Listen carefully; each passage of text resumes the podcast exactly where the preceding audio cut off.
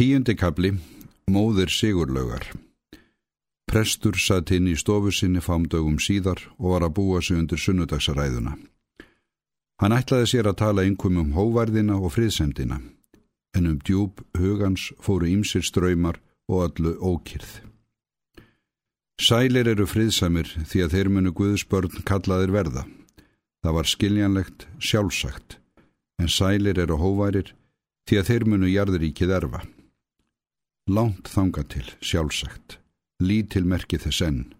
Hóvarðin ekki enn sjáanleg sigurleið kvorki heilum þjóðum nýja einstökum mönnum. Gerði það ekki fyrir en þessi hjallur væri hrunin eins og yfirdómari hafði komist á orði. Með yfirdómara bar upp nýjan ströym. Í gær hafði hann hitt Ragnhildi úti á stræti. Hún hafði komið frá Grímsa og hann hafði farið að segja henni að læknirinn teldi vonlöst um drengin. Sínilega hafði það fengið á hana. Samt var hún einhvern veginn svo undarlega varfær, eins og hún væri að diljast, eins og hún væri að gæta þess vandlega breyða fyrir glukkana, láti ekki sjá ofmiklu breyða fyrir innan við. Honum fann stílt að átta sig á því að þetta skildi vera sama stúlkan sem hafði sagt honum nokkur um dögum áður frá foreldrum sínum á svo barslegri einlægni. Samt var hún jafn indisleg. Honum fannst þráinn myndi verða þeim mun meiri sínmegin sem vandlegar yrði fyrir glukkana dreyið. Spurningar æðunar gekk trekt. Ströymarnir runnu saman og urða ringiðum. Ragnhildur leið með kurteislegum þóttasveip innan um óljósar hugsanur um friðsemd og hóvarð og erðir jarðríkisins og ribbaldahátt og grímsa á móleitum kottanum. Þá var barið að dýrum. Hinn kom roskin kona, þokkalega búin. Eru þér ekki sér á Þorvaldur, mælti hún. Prestur hvað svo vera og bauð henni sæti. Þér þekki mig, víst ekki, sagði konan. Nei, prestur þekkti hana ekki. Þér munið ekki þegar þér fóruð með mér upp í kvíalautina og ég sagði þur sögun af tröllkarlinum sem hildi til sinn kongstótturina. Konan brosti en presti fannst brosið förðu raunalegt. Í huga hans fór að rofa til. Hann myndist óljóst ungrar vinnukonu hjá fóstra hans, laglegar stúlku sem æfinlega hafði verið kátt og æfinlega góð við hann. Hann hafði þá verið örlítill nokki og frá þeim tíma hafði hann ekkert um hann að vitað, eða þá alveg glemt því hvað um hann hafði orðið. Þér eru þó ekki Ólöf, mælti hann. Jú, ég er einmitt Ólöf. Prestur spratt upp og bað hann að vera velkomna af henni mestu alúð og einlægni. Lítið myndi hann hvernig hún hafði verið ásýndum, en það myndi hann að kinnarnar hafði verið sléttar og fallegar, hann hafði svo oft aðtuga það. Hann hafði hugsað sér á ólöfverði konan sín og jafnvel orða það við hanna, hún tekið því líklega. En nú voru kinnarnar magrar og hrukkur komnar í þær. Hann myndi líka að nefið hafði verið beint og að honum hafði þótt að fallegast allra nefja sem hann hafði séð. Beint var það enn, en það var orðið ofstort á þessum kinnfiskra sogna andliti. Prestur spurði Ólöfu hvort hún ætti heim í Reykjavík. Nei, hún hvast eiga heima austur í Árnessíslu, vera ekki á búa með ráðsmanni. Hvort hún ætti engin börn? Jú, ég á eina dóttur. Presti fannst á málrónum sem einhverjar áhyggjur væru dótturegninni samfara. Er hún heima hjá yður? spurði prestur. Nei, hún er hér í Reykjavík. Óluf svaraði heldur dræmt eins og hún kvenkaði sér við að segja það litla sem hún sagði. Samt fannst presti eins og hann langaði til þess að segja eitthvað meira. Hann þorði ekki að spyrja og þau þögðu bæði ofur litla stund. Hún heiti Sigurlaug og er hjá Þorbirni Ólafsinni kaupmanni. Er hún ráðskona þar? Já, hún er ráðskonan hans. Aftur var þögn og Ólaf varp öndinni mæðilega. Fer ekki vel um hana þar, spurði prestur til þess að segja eitthvað. Eftir því hvernig á það er litið, jú, jú, sagði Ólaf. Eitthvað þykiriðu samt að. Hafið þér ekkert heyrt um ráðskonur Þorbjarnar, þær sem á undan henni hafa verið? Nei, prestur hafði ekkert heyrt um þær.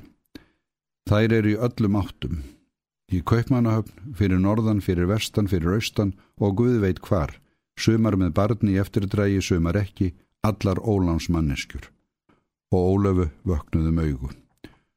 Lauguminni heldu engin bönd, hún vildi til höfustadarins til að mentast. Hún vildi í kvennarskólan, hún vildi læra að sauma. Ég hefði efna á að hjálpa henni og ég gerði það þó að ég væri hrætt. Ég hefði heyrt svo margt sagt á sollinum í Reykjavík og nú er hún komin til Þorbjarnar.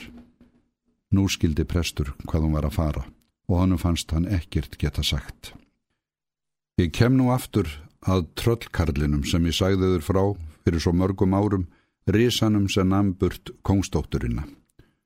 Lauga mín er engin kongsdóttir, ekki nema dóttir mín, en hún á ódöðlega sál og hún var góð stúlka þó ég segi sjálf frá. Hún hafði sína galla eins og við höfum öll. Hún var staðfestulaus, tallíðin og gjálíf. Því hættara er henni eins og þér sjáuð. En í raun og veru var hún ekkert annað en gæðin. Hún vildi vera öllum góð, gleði alla og hryggja engan. Geti þér nú ekki hjálpa mér eitt hvað? Ólöf var sínilega komin í mikla geðsfræring. Prestur spurði hvort hún hefði orðið nokkur svör sem fengi henni sérstakrar áhyggju. Já, mikils. Ég sá á öllu að henni þótti miklu miður að ég skildi koma. Hugsi þér yður að þykja það miður að móður hennar kemur að finna hana. Ég held að hún skammi sín fyrir mig, eða þá að hún fyrirverði sig fyrir mér. Ég veit ekki hvort heldur með vissu. Ekki bauð hún mér að vera hjá sér í nótt. Ég mæltist til þess hálpartin en hún færði stundan. Sagði að Þorbjörn tæki aldrei neina næturugesti. Og hugsi þér yður, ég held að hún hef ekki verið alveg ódrukkin. Ekki voru mikil brauða því en megn vínlegt var af henni. Og ég hefi hyrt nokkuð af því sem fólkið segir, auðvitað ekki allt, en nóhanda mér, Guðminn góður, að hugsa sér að hún lauga mín skuli hafa komist í þetta. Og Ólöf greið besklega. Því er miður að ég get ekki séð hvernig ég ætti að hjálpa yður, hvað fegin sem ég vildi meldi prestur. Ég gerir aðfyrir á dótturiðar þykji vænt um Þorbjörn og sé svo Þá á sambúð þeirra þrátt fyrir allt og allt, svo mikinn rétt á sér, eftir því sem ég lít á, að svo ábyrð er vananlega takkandi að sér að fara að hagga þar við. Þar kunna vera spunir þeir þræðir innan um léttúð og lausung og synd sem engin á rétt á að slíta nema samviska þeirra og guð, og svo er það sennilega okkur báðum ókleift. Ekki skil ég nú þetta sem bestprestur minn mælti Ólöf, og var ekki trútt um þykju í röddinni. Það er sannast að segja ofaksið mínum skilningi að Þorbjörn eigi nokkurni rétt á því að taka dóttur mín að saklausa sveitastúlku sem aldrei hefur gert honum neitt megin, stórspilla henni sjálfri og fara með mannorð hennar svo rækilega að hún eigi sér aldrei uppreysnar von alla sína æfi. Og líkar þá ofaksið mínum skilningi að ég eigi ekki rétt á að afstýra þessu, verða Þorbjörni þarna þrándur í götu ef ég get það.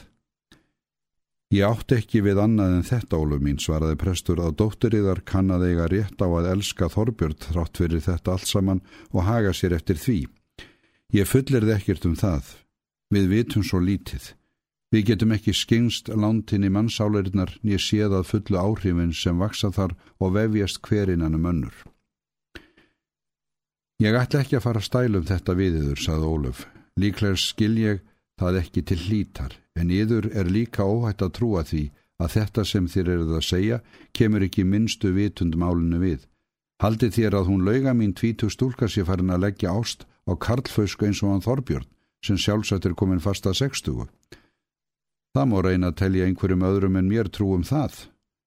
Hún kann að hafa fengið ást á hólífunu, húsnæðinu, makindunum, matnum, vínunum, Ég veit ekki hvort þér hugsiðiður að nokkur eiliðar gróður muni sprett upp af þeirri ást, prestur minn.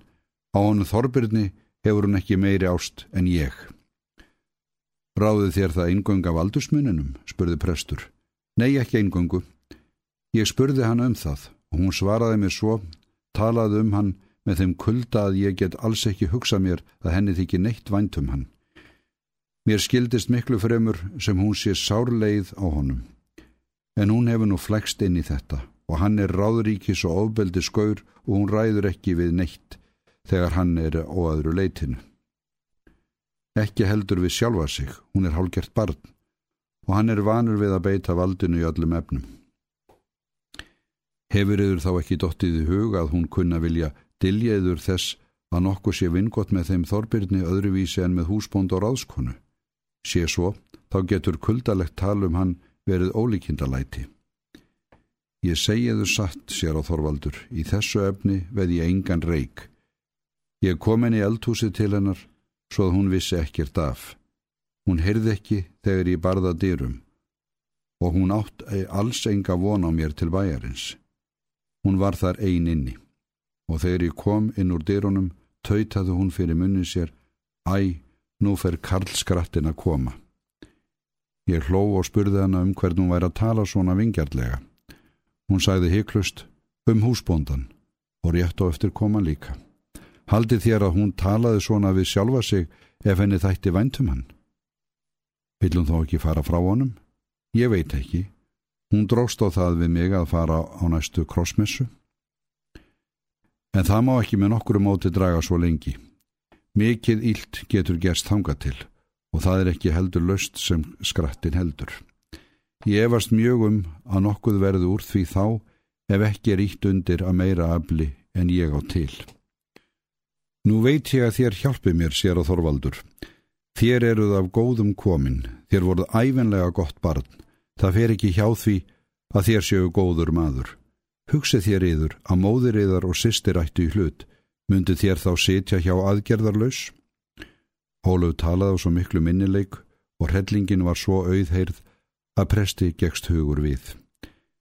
Ég skal gera það sem ég get, meldi hann, en sannast að segja þykir mér ólíklegt að ég getu öðru til vegar komið en að vekja reyð og ílsku, en það verður að taka því sem að höndum ber. Ólöf þakkaði presti hjartanlega undirtektirnar, þau komið sér saman um að hittast eftir tvo daga og talum hvað ágengt hefði orðið.